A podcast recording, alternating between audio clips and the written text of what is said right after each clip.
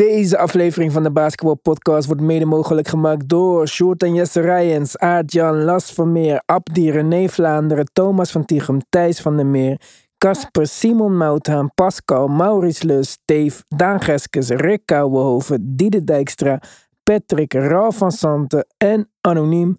Speciale shout-out naar de GOATs, Robert Huiltjes, Yannick Tjongajong, Wesley Lenting, Robert Lute, Jan van Binsbergen, Tarun en Yannick, Samet Kasic en Myron.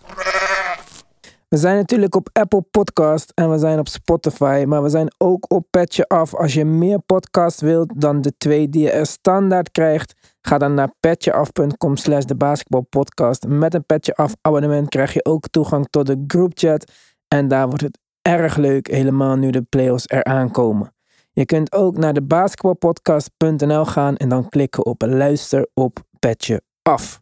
Alle support wordt gewaardeerd. Let's go.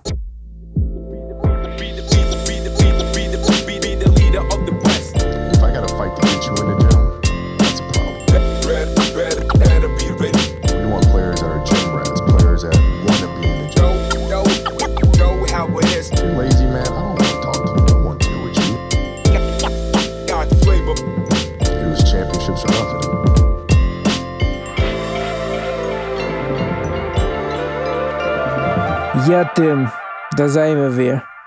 Ik heb eh, even naar Tim Talk geluisterd vanmiddag. Maar ik zat in de zon en ik had mijn ogen dicht en ik was eh, bijna in slaap gevallen. en daar, nee, niet door jou hoor, dat zo bedoelde ik het helemaal niet. Maar het was gewoon lekker. Dus ik weet niet precies alles wat je hebt gezegd, maar ik hoorde wel dat je over de CBA begon. Dit was echt geen dis naar jou helemaal niet.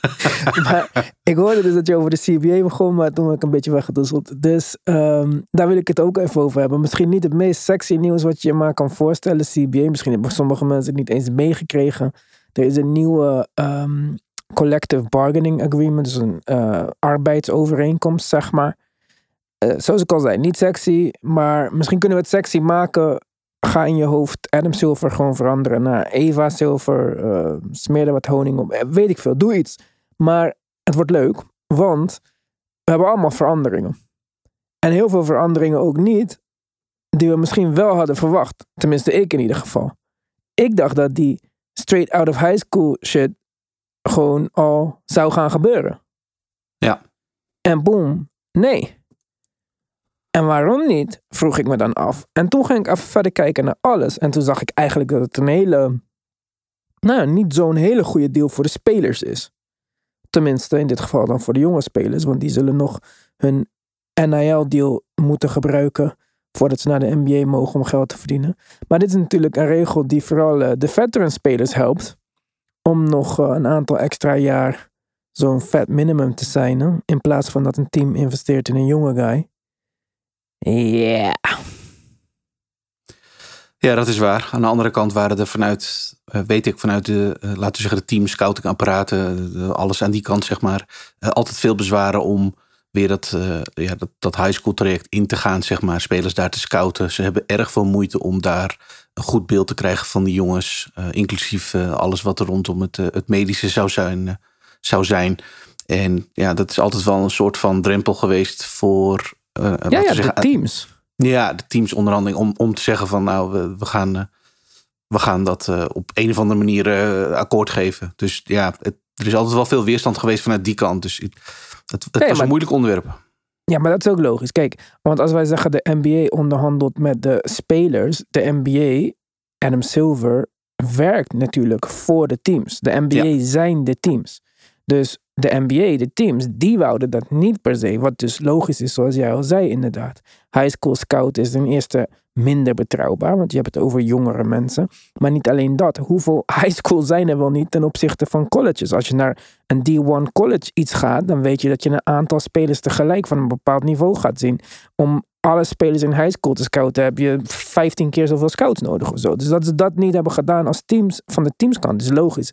Maar de spelers wilden dat heel lang. Totdat ze eigenlijk vorig jaar of twee jaar geleden een beetje geld zijn gaan verdienen. Bijvoorbeeld Bronny is volgens mij, wat verdient hij per jaar? 7,2 miljoen of zo. Echt, is absurd al.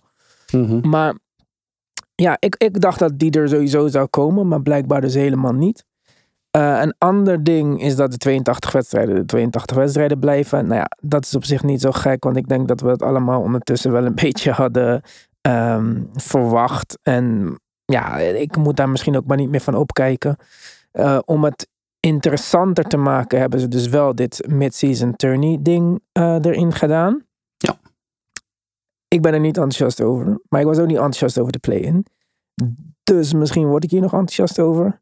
Wat is jouw huidige enthousiasme meter als we praten over een schaal van 0 tot 100? Oh, uh, dan, dan zit ik echt op de 50. Uh, een soort van nou, kijken naar wat dit gaat, gaat doen. En inderdaad, met de ervaring dat, dat ik ook niet helemaal enthousiast was over de play-in. En dat uiteindelijk toch moet toegeven dat het gewoon een goede zet is geweest. heb ik zoiets van, nou ja, je hebt denk ik wel een gereden kans dat we dat uiteindelijk ook over die in-season tournament gaan, gaan roepen. Als dat helemaal een beetje gedaald is. En ja, toch wel een succes blijkt. Want die kans is er wel. Omdat ja, er is denk ik redelijk goed over nagedacht. En komt inderdaad op een moment in het seizoen die over het algemeen door velen uh, als een soort, ja, misschien wel het saai deel van het seizoen wordt gezien. Dus, ja, Daar ben weet. ik het niet mee eens. Nee. Dat zeggen ze constant, wordt als saai gezien. Maar dat is dan misschien uitgaande van de tv-cijfers. Want als jij kijkt in onze groupchat, was het helemaal niet saai aan het begin van het seizoen of rond december. Iedereen kijkt dan uh, League Pass, die League Pass heeft. Het is misschien saai voor de casual fans die nog niet zo goed weten wat er aan de hand is of welk team goed is of zo. Maar voor de ja. echte NBA-fans is het geen saai gedeelte van het seizoen. En uh, Adam Silver vergelijkt het constant met de FA Cup en weet ik veel allemaal wat. Nou, uh, de laatste keer dat ik het heb gecheckt was de FA Cup, behalve dat die gewoon prestigieus is om te winnen, ook apart van het seizoen. Dit wordt een toernooi in het seizoen in een bepaalde periode, die wel meetelt tot je, aan je totale aantal wedstrijden die je gaat spelen, 82 dus. Voor de finalisten wordt het er dan eentje meer, dus 83. En ja, dat, dat vind ik allemaal alweer uh, raar. Het is de eerste keer dat ik hoor van een toernooi die tegelijkertijd meetelt in je seizoen of zo. Ik ken dit niet van een andere sport, of ik moet me vergissen. Nee. Nee, ik denk dat je daar gelijk in hebt. Ik ken die voorbeelden ook niet. Aan de andere kant, eh, ik kan me geen scenario bedenken eh, waarin de NBA het voor elkaar krijgt om zo'n toernooi los van, eh, van het seizoen te houden. Omdat als, als ze dat zouden doen, ergens gedurende het seizoen, ja, dan hebben we natuurlijk de problemen rondom wie neemt het wel serieus en wie trekt zijn spelers terug en wie speelt er helemaal niet. En dat soort vragen. En dat hebben ze denk ik ook uit organisatorisch oogpunt een beetje willen ondervangen door gewoon te zeggen van ja, we doen het niet alleen tijdens het seizoen, maar ook gewoon uh, qua standen uh, laten ja. meetellen in het, van, in het reguliere seizoen. Want ja, dan is de impact misschien het minst groot. En is de kans dat teams dit laten lopen ook het minst groot. Ik zie echt niet dat volgend jaar Kawhi opeens, als hij geblesseerd mocht zijn, eerder moet terugkomen. Omdat hij voor december nog de kwalificatie moet halen van het in-season tournament. Om een half miljoen te gaan verdienen. Ik bedoel, het is misschien interessant voor de Orlando Magic of zo. Maar dit is niet interessant voor teams die denken dat ze gaan contenden. Ik, ik zie dat denk ik ook uh, niet. Nee, dus... ik, ik zie dit als, als, als inderdaad de Magics van deze, van deze NBA. Die, die gaan hier misschien uh, leuke dingen laten zien. En, en, nou ja, goed. Maar die spelen sowieso rond die tijd. Het gaat juist, we moesten juist iets. Als ze, als ze dit probleem hadden willen fixen, want laten we even dan het probleem concreet maken. Het probleem is dat er gewoon veel gerust wordt en dat niet in elke wedstrijd alle sterren spelen. En dat je soms regular season games hebt die nergens over gaan. Als je dan dat niet wil aanpassen naar het aantal wedstrijden minder maken, bijvoorbeeld, ja, dan moet je niet zulke shit gaan verzinnen. Want dit gaat niet werken, want ik ga ze nog Kawhi niet zien. Ja, ik weet niet, maar nee, het zijn allemaal om, voor mij een zijn grote het allemaal, vraag. Allemaal omslachtige dingen om die sterspelers aan het spelen te krijgen. Maar dat gaat gewoon niet gebeuren, want die sterspelers raken gewoon geblesseerd van al die wedstrijden die ze moeten spelen. En dan hebben ze nu, naast dit in- in- in-season tournament, hebben ze de 65 game minimum ingevoerd voor awards en All-NBA en dat soort dingen. Ja, het is leuk, maar eh, volgens mij was de laatste keer dat iemand MVP werd met minder dan 68 wedstrijden gespeeld al 30 jaar geleden. Dus ja, ik weet niet hoe dat met de All-NBA-verkiezingen was de afgelopen jaren, maar het zou mij verbazen als daar heel veel spelers bij zitten die 50 wedstrijden hadden gespeeld of zo. Nee, klopt. Eh, je zal, eh, dus ik vind dat dit meer een symbolische stap is dan dat het echt een grens is waarvan we met z'n allen roepen: nou, nou, nou, dit, wordt wel, dit gaat wel een hele hoop veranderen. Nee, ik, misschien dat dit de eerste stap is naar het in de volgende CBA nog wat verhogen van deze grens. En dan dus echt een beetje de druk zetten op dat hele load management verhaal. Maar ik vind 65 daarvoor, volgens mij, als ik het zo heb gezien, simpelweg nog niet genoeg om echt, echt effect te hebben, zeg maar. Nee. En die aantallen verhogen is leuk, maar spelers raken constant geblesseerd, Tim. Dit is, dit is gewoon zinloos. Spelers gaan niet uh, meer spelen om iets te halen als ze daardoor geblesseerd raken.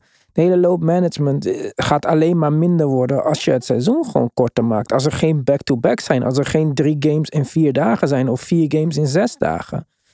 Dus ja, misschien niet minimaal 65 games om in aanmerking te komen voor awards, maar gewoon 65 games in general.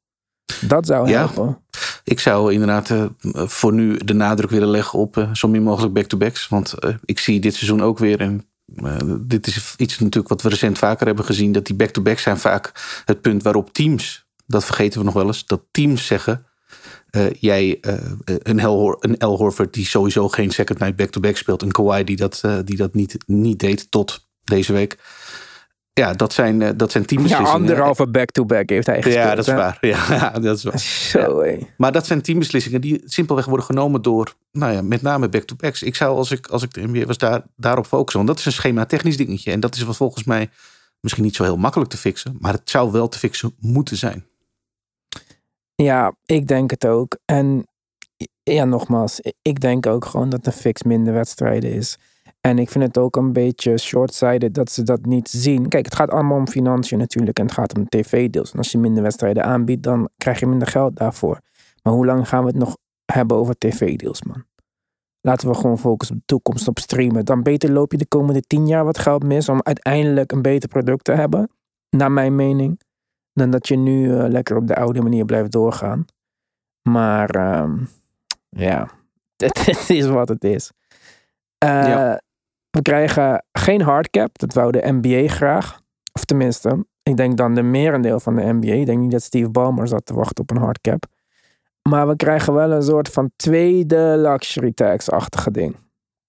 Klopt. Waar dat op neerkomt is eigenlijk gewoon dat uh, bijvoorbeeld uh, Dante DiVincenzo of uh, wie was het nog meer? Ja, ik, ik weet niet helemaal waar je naartoe wil, maar inderdaad, voor, voor teams die spelers boven... niet hadden kunnen worden gezien dit seizoen. Oh, zo. Ja, ja, klopt, klopt. Inderdaad, voor teams die boven die 17,5 eh, miljoen over de luxury tax line heen gaan, wordt nu een soort uh, grens getrokken. En dan komen er allerlei maatregelen eh, in, uh, in, in werking. Uh, die het ja, nog veel harder maken om überhaupt spelers aan te trekken. Dat wordt praktisch onmogelijk. Uh, Maar ook, ook trades te maken. Je kan geen first round picks meer traden. Je kan inderdaad met die exception waar je nu op doelt, die taxpayer mid-level, die kun je ook niet meer gebruiken. Dat zijn allemaal uitzonderingen geweest in het verleden, waarbij je als team, als je heel veel geld uitgaf, nog de mogelijkheid had om een speler naar binnen te halen, gewoon outright. Ja, net als John Wall dus vorig jaar bijvoorbeeld bij de Clippers. Exact. Ja, ja, ja, ja. De exception wordt eigenlijk overal altijd wel gebruikt door, door dat soort teams. En dus dat geeft wel aan hoe ja, hoeveel dat nu gemist gaat worden. Dus ik denk wel dat dat maatregelen zijn om de big spenders in de NBA echt tegen te werken. Dat is wel een van de grote conclusies. Maar welke big spenders? De Clippers? Wat heeft de big spender van de Clippers voor zin gehad? Waar, ik vind het een beetje zielig van de mensen die niet geld willen uitgeven. Als jij een NBA-team eigenaar bent, heb je sowieso geld. Als je dat niet wil uitgeven, dan deal gewoon met de consequenties. Laat Steve Ballmer lekker uitgeven wat hij wil. Het heeft tot nu toe toch geen zin gehad.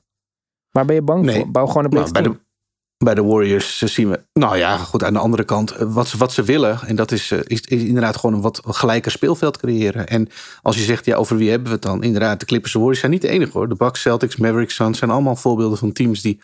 Ja, maar waar heeft het gewerkt, Tim? Nou ja, waar gaat het nog werken? Het is, ze willen gewoon een, een, er zijn namelijk gewoon markten waar, waar er veel meer te halen valt en veel meer uit te geven valt. Ten opzichte van markten waar dat sowieso niet gaat gebeuren. Hoe goed of niet goed je het ook doet. Ik snap het. Maar kijk, alleen bij de Warriors heeft dit gewerkt. En behalve KD dan. Bij de Bucks ook wel echt. Ja, bij de Bucks ook één titel. Maar uh, de Bucks, oh, wacht, daar kom ik zo. Maar bij de Warriors. Het enige wat zij hebben gedaan is KD gesigned toen voor 25 miljoen per jaar. Dat had zelfs nog gekund onder deze huidige ding. Want toen waren alle Warriors-spelers op lage contracten. En dat zijn allemaal spelers die ze zelf hadden gedraft. En volgens mij komen er voor spelers die je zelf draft weer uitzonderingen ook. Ja, dus dat had nog steeds gekund, KD naar de Warriors. Kijk, Don DiVincenzo niet naar de Warriors. Ja, woehoe. En wat betreft de Bucks. De Bucks hebben ook zelf uh, Giannis gedraft. Hebben Middleton getraind uh, als bijding in trade. Uh, second round pick stelt niks voor. Brook Lopez gesigned voor min minimum contract en oké okay voor Drew Holiday getraind. Maar al die andere teams die je noemt, die dus echt big spenders zijn, zoals de Dallas Mavericks, de Clippers, En nu dan de Suns eventjes. Ja, wat, wat hebben die tot nu toe bereikt? De Clippers hebben Celtics jarenlang... Ja, oké, maar de Celtics ook hebben voor het grootste gedeelte... Die zouden dan niet bijvoorbeeld een Derek White hebben kunnen halen. Maar die hebben ook wel alsnog Jalen Brown en Jason Tatum en zo zelf opge, opgeleid. En toen Ja. Al Horford kwam, in eerste instantie dan... Toen waren die jongens ook nog op een rookie contract. Dus al die andere teams, echt de teams met echt superrijke eigenaren. Dus inderdaad zoals Steve Ballmer en Mark Cuban. Ehm, ja, leuk. We hebben Lob City gehad. Nu hebben we al een paar jaar dit project met Kawhi en Paul George. Wat misschien wel of niet, zo wel, wel weten we niet, gaat werken. Tot nu toe startte de hele tijd eh, Morris nog. Eindelijk zien we Covington in actie. Dus een van die paar diepere mensen, ja, die hadden we dan misschien daar niet gehad. En alle miljarden die eh, Mark Cuban eh, heeft, hebben tot nu toe ook nog niet echt geleid tot de goede beslissingen als het aankomt op teambuilding. Dus ik vond dit. Geef het maar de Hornets twee keer het budget. Kijken of ze met twee keer het geld iets van hun leven kunnen maken. Ik weet niet of dit zoveel meer gaat helpen aan teams gelijk maken. Maar ik denk wel dat het een negatieve impact heeft op de beetje middel- en lowere eh, level verdienende spelers, zeg maar. Want die kunnen misschien niet meer aansluiten bij een contender. Ja. je zal inderdaad zien dat, dat de grote contenders waar ook echt veel geld wordt uitgegeven momenteel, dat die straks beslissen. Philadelphia is misschien wel het beste voorbeeld nu. Zoals we kijken naar volgend seizoen. Die hebben natuurlijk eh, de beslissing nu eh, komende zomer om hun nek hangen om al dan niet James Harden te signen. Daar gaat dit direct invloed op hebben. Omdat als ze dat besluiten te doen, zitten ze waarschijnlijk meteen direct vast. Dus eh, dan worden zij misschien wel een van de voornaamste voorbeelden van dit verhaal, waarin ze verder hun roster amper kunnen, nou, laten we zeggen, uitbouwen of, of compleet maken. Ja. Omdat ze besluiten om Harden te signen. Dus inderdaad, eh, het, het, signen van twee of meer supersterren, ja, dat wordt een dingetje. Maak je geen zorgen, Harden heeft zijn eigen plannen al gemaakt. Maar ehm, niet alleen dat hadden we. Eh, de spelers hebben ook gewonnen op een paar eh, fronten. Want hè, het, wat ik zei, het is dus een heen en weer onderhandeling. Tot nu toe is alles in het voordeel van de teams uitgekomen. Ehm, de spelers mogen wiet roken. Nou, paste echt eh, weer helemaal bij deze tijd, zeg. Dat dit nou het grote punt is wat je voor elkaar hebt gekregen. Dus die teams gingen naar binnen met allemaal eisen. Willen dit, willen dat, financieel zus, financieel zo. En die spelen, ja, wij, wij willen wiet roken. Ja, er zijn eigenlijk ja, ja, er zijn twee dingen. Nou, wel, wel, wel meer kleine dingen, maar er zijn twee hele Ja, grote ze mogen die- investeren ook, maar oké, leuk. Ja, nou, daar kun je als je, het, als je het handig doet heel veel geld mee verdienen. Ze gaan eh, meeverdelen in de opbrengsten die er vanuit de, de, de hele nou, licensing revenue, zoals dat heet. Eh, dat was, werd voorheen verdeeld onder de eigenaar. Dat wordt nu verdeeld 50-50 tussen de eigenaar en de spelers. Dus de spelers krijgen er wat dat betreft extra inkomsten bij. Eh, wordt geraamd op 160 miljoen volgend jaar. Dus de helft daarvan moet je, moet je, moet je zien als een, een extra. Ja. Ehm, maar inderdaad, ja, een, een van de andere headlines was deze. Ja, die jongens willen graag eh, marihuana kunnen roken zonder dat dat eh, eh, gevolgen heeft. En dat wordt nu opgenomen, of eigenlijk niet meer, niet meer opgenomen in het. Dat doen ze ook al drie jaar gewoon sinds de babbel. ja, maar volgens mij kwam je daar redelijk mee weg, inderdaad. Dus, maar nou goed, nu is het ook officieel.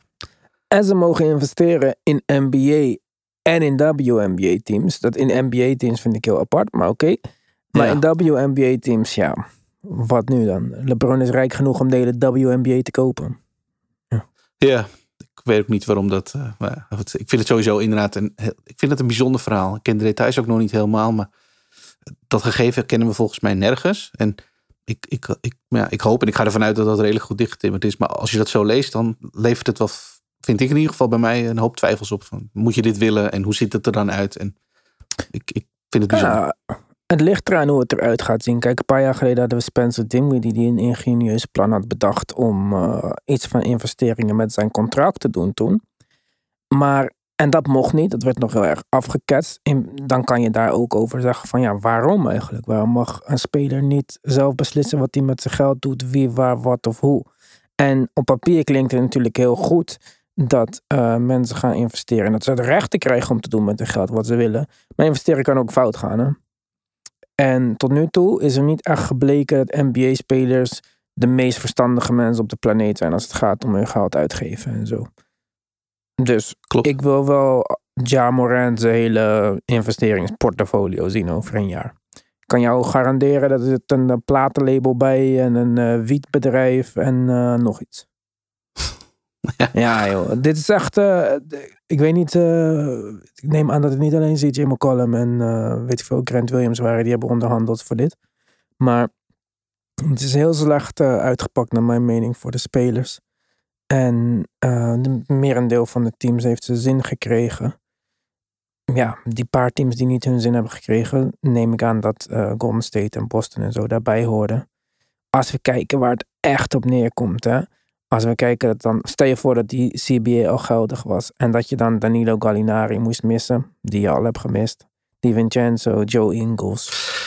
Ja, oké. Ja. Ik zeg niet dat het niks is hè, en ik zeg niet dat het nooit, Nee, iets- nooit je. verschil Ja. kan maken. Maar als dat nou je grote gewin is om te proberen het level playing field te creëren.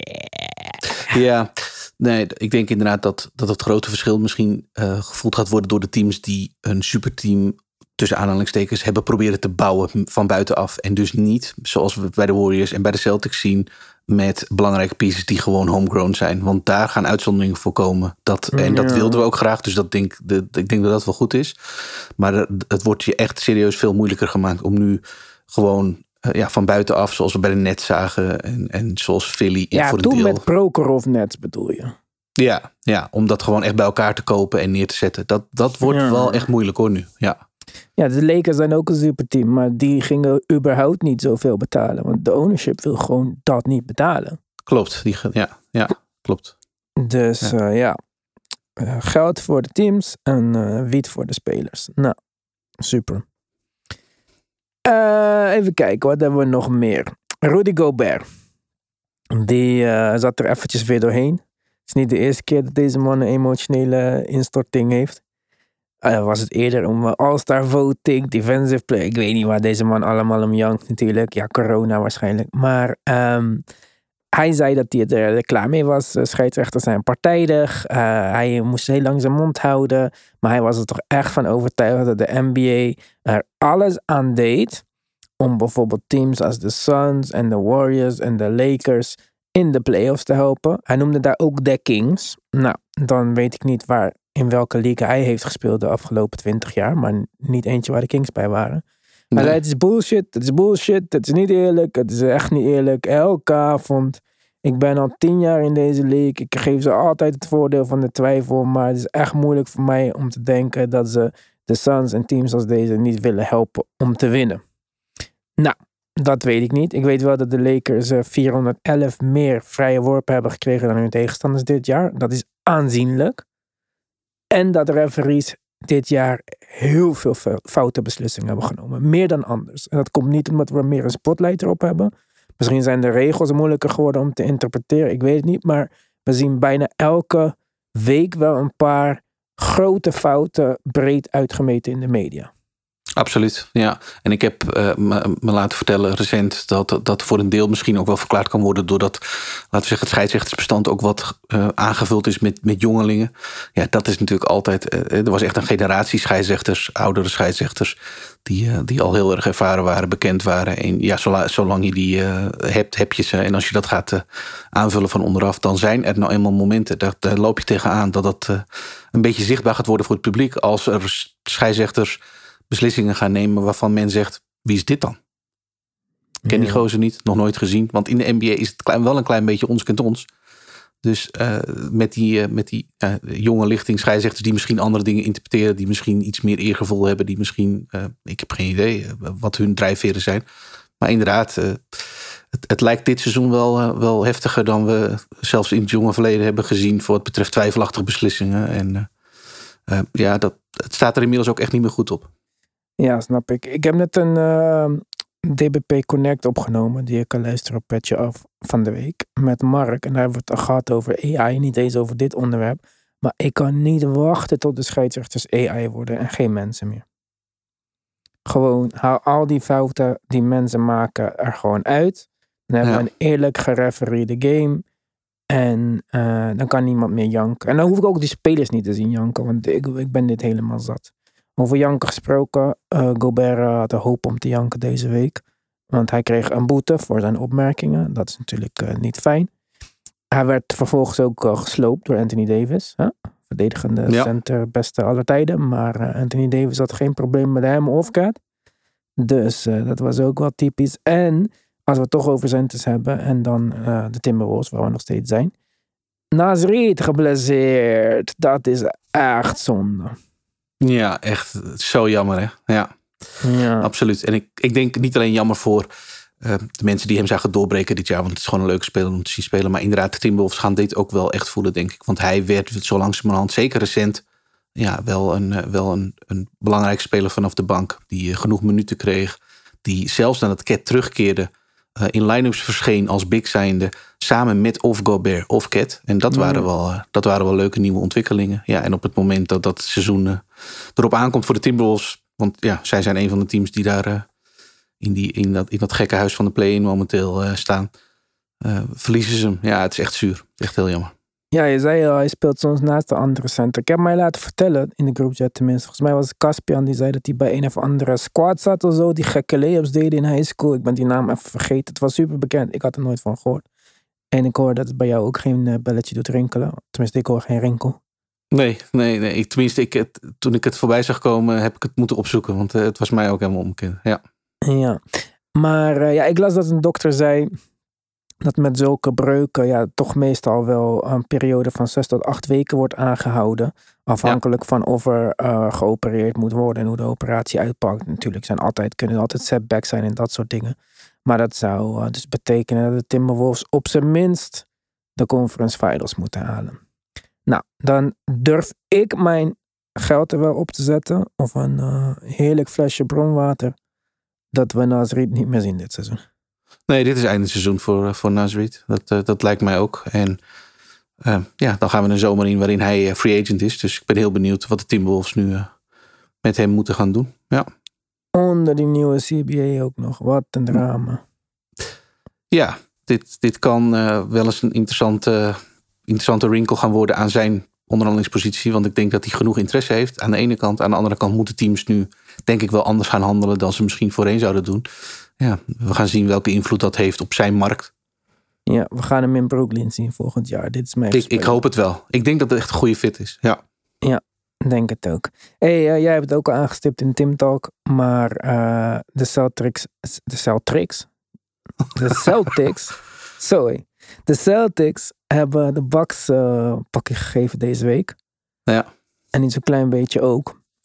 Boston fans in de groupchat, Martin, Aart-Jan en zo, waren zeer enthousiast. Vonden dit ook echt een voorteken voor een succesvolle playoff eh, serie. Mocht het erop aankomen dat ze tegen de Bucks uitkomen.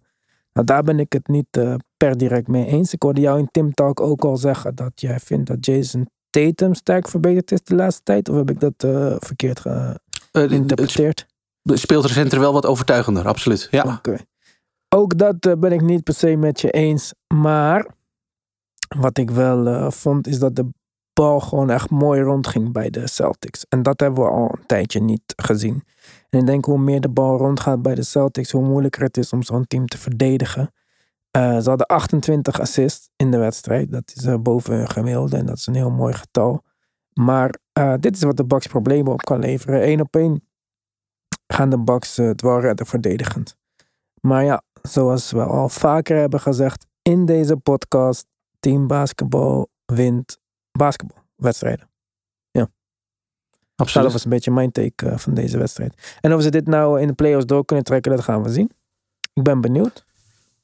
Ja, absoluut. Het, het, het recept lijkt eens te meer duidelijk. Stiekem was dat vorig jaar ook al wel zo. Hoewel ik ze toen als eh, collectief wat sterker verdedigend vond. Daar konden ze wat meer op leunen. Maar dit jaar de Celtics, ja, schieten ze goed.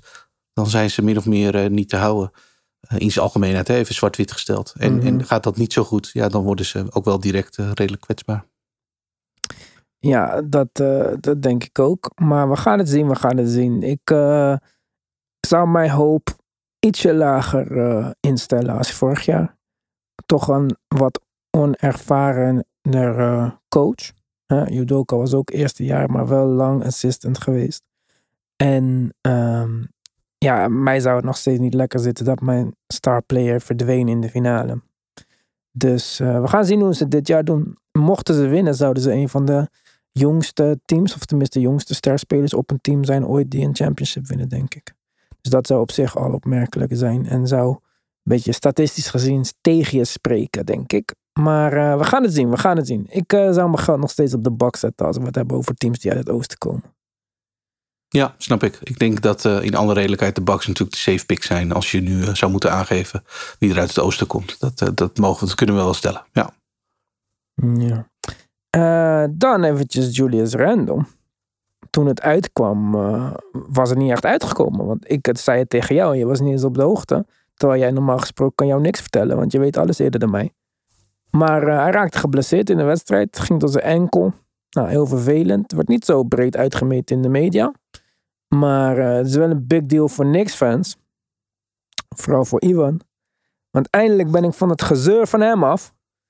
Ik uh, dacht al, shit, tips, laat me dit gewoon eventjes, laat me hiervan genieten. Ga dit niet voor me verpesten. Ga niet gewoon Sims naast Mitchell Robinson zetten of zo. Dat zou ik echt niet leuk vinden. Start Obi, alsjeblieft.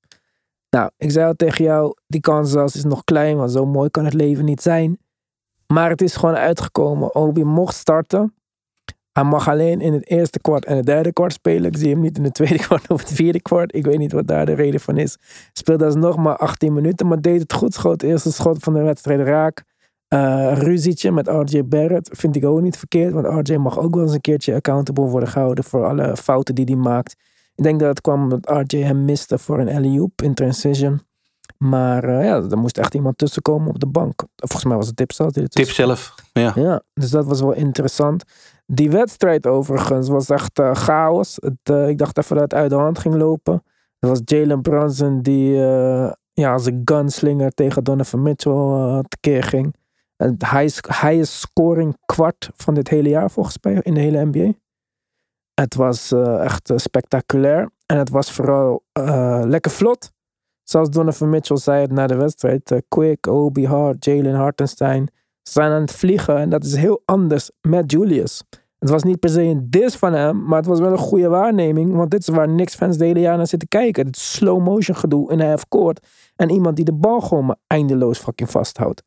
Dus zelfs Donovan Mitchell was het opgevallen. En ik weet niet of ze het zo perfect op voor waren bereid. Want uh, ze deden hun best, maar ze konden gewoon niet op tijd terug zijn in uh, transition. Daarom hadden de Knicks alsnog gewoon heel veel offensive rebounds. En um, ja, de Knicks speelden eigenlijk het leukste basketbal van wat ik dit hele jaar heb gezien. Ik zag uh, twee weergalozen. En het viel me echt op. Misschien heb ik het uh, dit seizoen over het hoofd gezien. Twee weergaloze van passen. Ja, dit ga je zeggen. Ja, maar eindelijk, eindelijk mag iemand anders de bal vasthouden in de ja. Ja, het was echt fantastisch. Ik vind dat echt, uh, dit is wat we van hem gewend waren. En ik vond het echt leuk om te zien. Dat, uh, dat, dat viel me echt op. Dacht, ja, wow. dit is wat de Clippers ja. missen het hele jaar. Dat die playmaking wat hij deed van de bank vorig jaar. Zeker. Maar bij de Knicks mocht hij dat niet doen. En ik zeg je eerlijk, gedeeltelijk heeft het ook goed uitgepakt. Want hij heeft zijn speeltijd moeten verdienen met defense. En ik denk dat zijn defense sterk verbeterd is. Hij had een hele mooie blok ook in die wedstrijd. Dus nu hebben we eigenlijk de best of both worlds. Nu dat Julius out is. Krijgt Hartenstein dus de bal om wat playmaking te doen. Hij mag wat pasen geven. Die waren er ook gelijk. De connectie tussen iedereen is goed. Je zag dat iedereen wat vrolijker ook was. Er was wat minder... Uh, gezeur ook tegen scheidsrechters en zo. Maar uh, Hartenstein was beter in zijn element. Um, Quick zat niet eens super goed in deze wedstrijd. Dat is RJ Barrett. Jalen ging natuurlijk helemaal los nu dat hij echt als enige de bal mocht hebben. Wat hij vorig jaar natuurlijk ook in de playoff voor jouw team heeft gedaan. Maar Hartenstein. Obi, iedereen profiteerde van deze nieuwe, uh, niet stilstaande basketbal. Wat ze opeens mochten laten zien. Het was gewoon super leuk om naar te kijken. En um, het heeft ze ook nog wat een keer de voordeel gegeven tegen de, tegen de kerst als het gaat om een tijdbreken. Maar ja, waarschijnlijk gaan ze daar niet meer komen dat ze dat nodig hebben. Maar ze gaan de kerst wel... toch gewoon spelen? Uh, ja, maar ik bedoel niet dat ze nog de vierde plek kunnen overnemen of zo. Nee, nee, dat lijkt wel. Dat lijkt, die strijd lijkt wel. Ja, ja maar kleine zijn, kans, denk ik. Hè? Ja, een hele kleine kans. Maar ze zijn wel 3-1 tegen de Cavs. En ze zijn ook 3-1 tegen Miami. Ze zijn 3-1 tegen Boston. Ze zijn 2-2 tegen Philadelphia.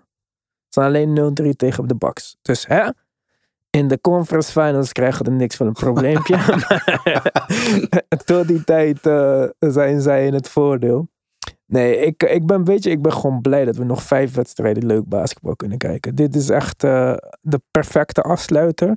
En ik hoop dat hij er niet bij is in de eerste serie. Ik zweer het, ik heb niks tegen, uh, tegen Julius Randle. Maar ik hoop dat iemand hem kidnapt. En dan gewoon tot zijn prime voorbij is gevangen houdt op een tropisch eiland of zo. Dat het gewoon menselijk is en dat hij ervan geniet. En het hoeft geen geweld te gebeuren, niks. Maar ik wil deze man gewoon nooit meer in een niks uniform zien. Dus ik hoop. Ja, dat voor de duidelijkheid, het lijkt erop alsof hij. Uh, wat zal het zijn? En vlak voor het begin van de playoffs weer terugkeert? Wat is. Twee weken zeggen ze, maar ja, uh, setbacks kunnen altijd gebeuren. Het is New York, hè?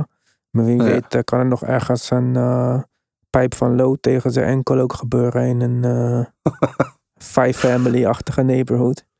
Maar ja, jongen, het is.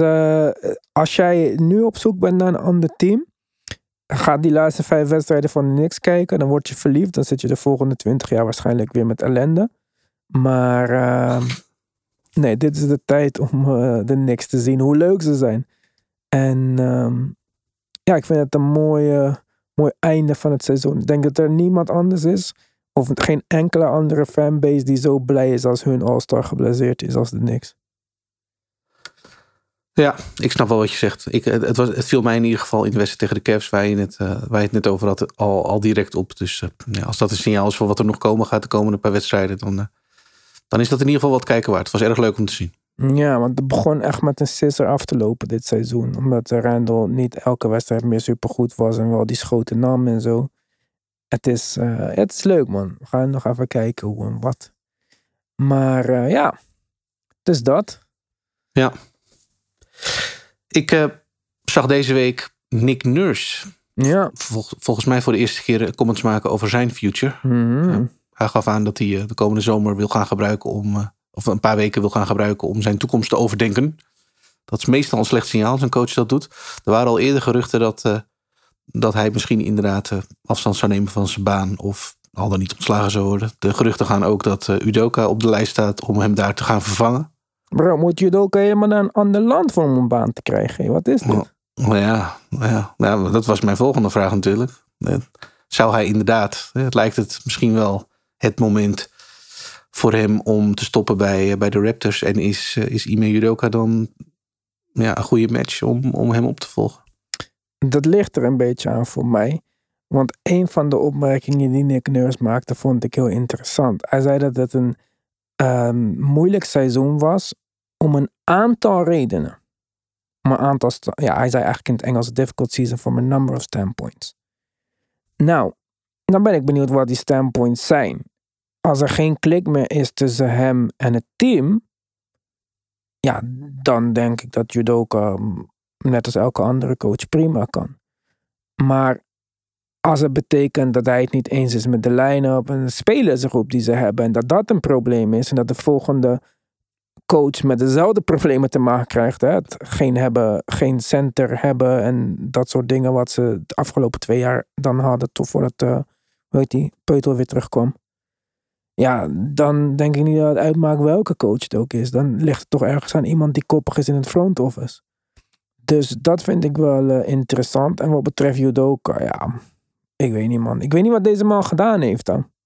Ik uh, vind het een beetje moeilijk om hem te supporten. Het is een beetje alsof ik heb soms het gevoel alsof ik R. Kelly nog een kans wil geven nadat die eerste tape uitkwam. En dat je daarna dan echt de lul was geweest, snap je? Ja. ja, ja, ik denk dat ze ervan uitgaan dat, uh, dat de, de, tijd de sterke mening een beetje doet afzwakken. En dat hij uh, op die manier, nou waarschijnlijk ergens volgend seizoen misschien wel ergens aan de bak komt. Ja, maar ze hebben niet gezegd wat er is en zo. Kijk, dat maakt alles spannender. Net als bij Wiggins, weet je wel. Ze zeggen niet wat er is, dan laat ze Chick weer een nieuwe Instagram-post zien dat ze ook in de Bay Area is. We weten het allemaal niet. Dan komen die speculaties en dan is alles veel erger dan waarschijnlijk gewoon de waarheid, zeg. Ja, dat, uh, dat, dat, is niet ondenkbaar. Het is inderdaad voor, voor een groot deel ja, onbekend. Dat, uh, dat ben ik met je eens. Ik, ja, ik weet het ook niet. Maar goed, zijn naam is nu al een paar keer opgedoken als, als potentiële vervanger van, van Nick Nurse in Toronto. Dus dat, ik, ik vind het op zich een, een interessant verhaal natuurlijk. Omdat ja, hij, Nick Nurse heeft wel iets, iets, iets gedaan, zeg maar, bij de Raptors. Het is wel een, een, een, eh, periode geweest, maar het lijkt toch een wel... titel gewonnen. Ja, het lijkt toch wel een beetje op zijn eind te lopen. Als je kijkt naar wat de Raptors dit jaar doen. Met, eh, met toch wel een interessant team. Alleen ja, nogal leunende op de starters. Dat was, is bekend. Dat was al zo. En nu eh, nou, net de play-in veilig gesteld. Op zondagavond. En ja, daar zijn de verwachtingen ook niet echt heel erg hoog voor. Dus Ja, ja, waar, ga je, waar ga je naartoe? Ik denk dat de connectie met de groep ook een beetje weg is. Als ik zo een beetje hoor uitspraken soms van Fred Van Vliet en zo. Ja, Ik denk dat er wel meer in Toronto niet helemaal lekker zit. En ik denk wel dat een aantal spelers ontevreden zijn over hun rol of over het bedrag wat ze verdienen. Ja, dan is het ook lastig. En als je dan nog een beetje de locker room kwijt bent als coach. Het feit dat ze geen respect voor hem hebben als spelers die met hem een kampioenschap hebben gewonnen, vind ik wel eh, bijzonder. Ja. Dus, nee, ja, ben ik eens. Ja, nou, dat denk ik ook wel. Ja. Een triviaatje doen? Nou, let's go.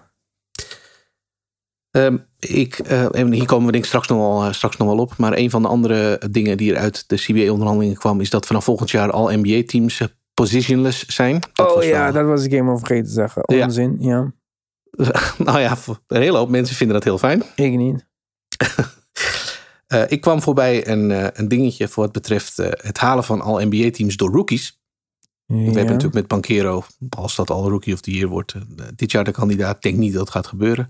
Nee. Eh, nee, zijn in het verleden eh, nou, toch wel een aantal rookies geweest die al NBA-teams gehaald hebben in hun rookie seizoen. Dat is leuk. Er zijn er niet zo heel veel geweest die dat ook in de All-NBA First Team hebben gedaan. Eh, eentje is Larry Bird geweest.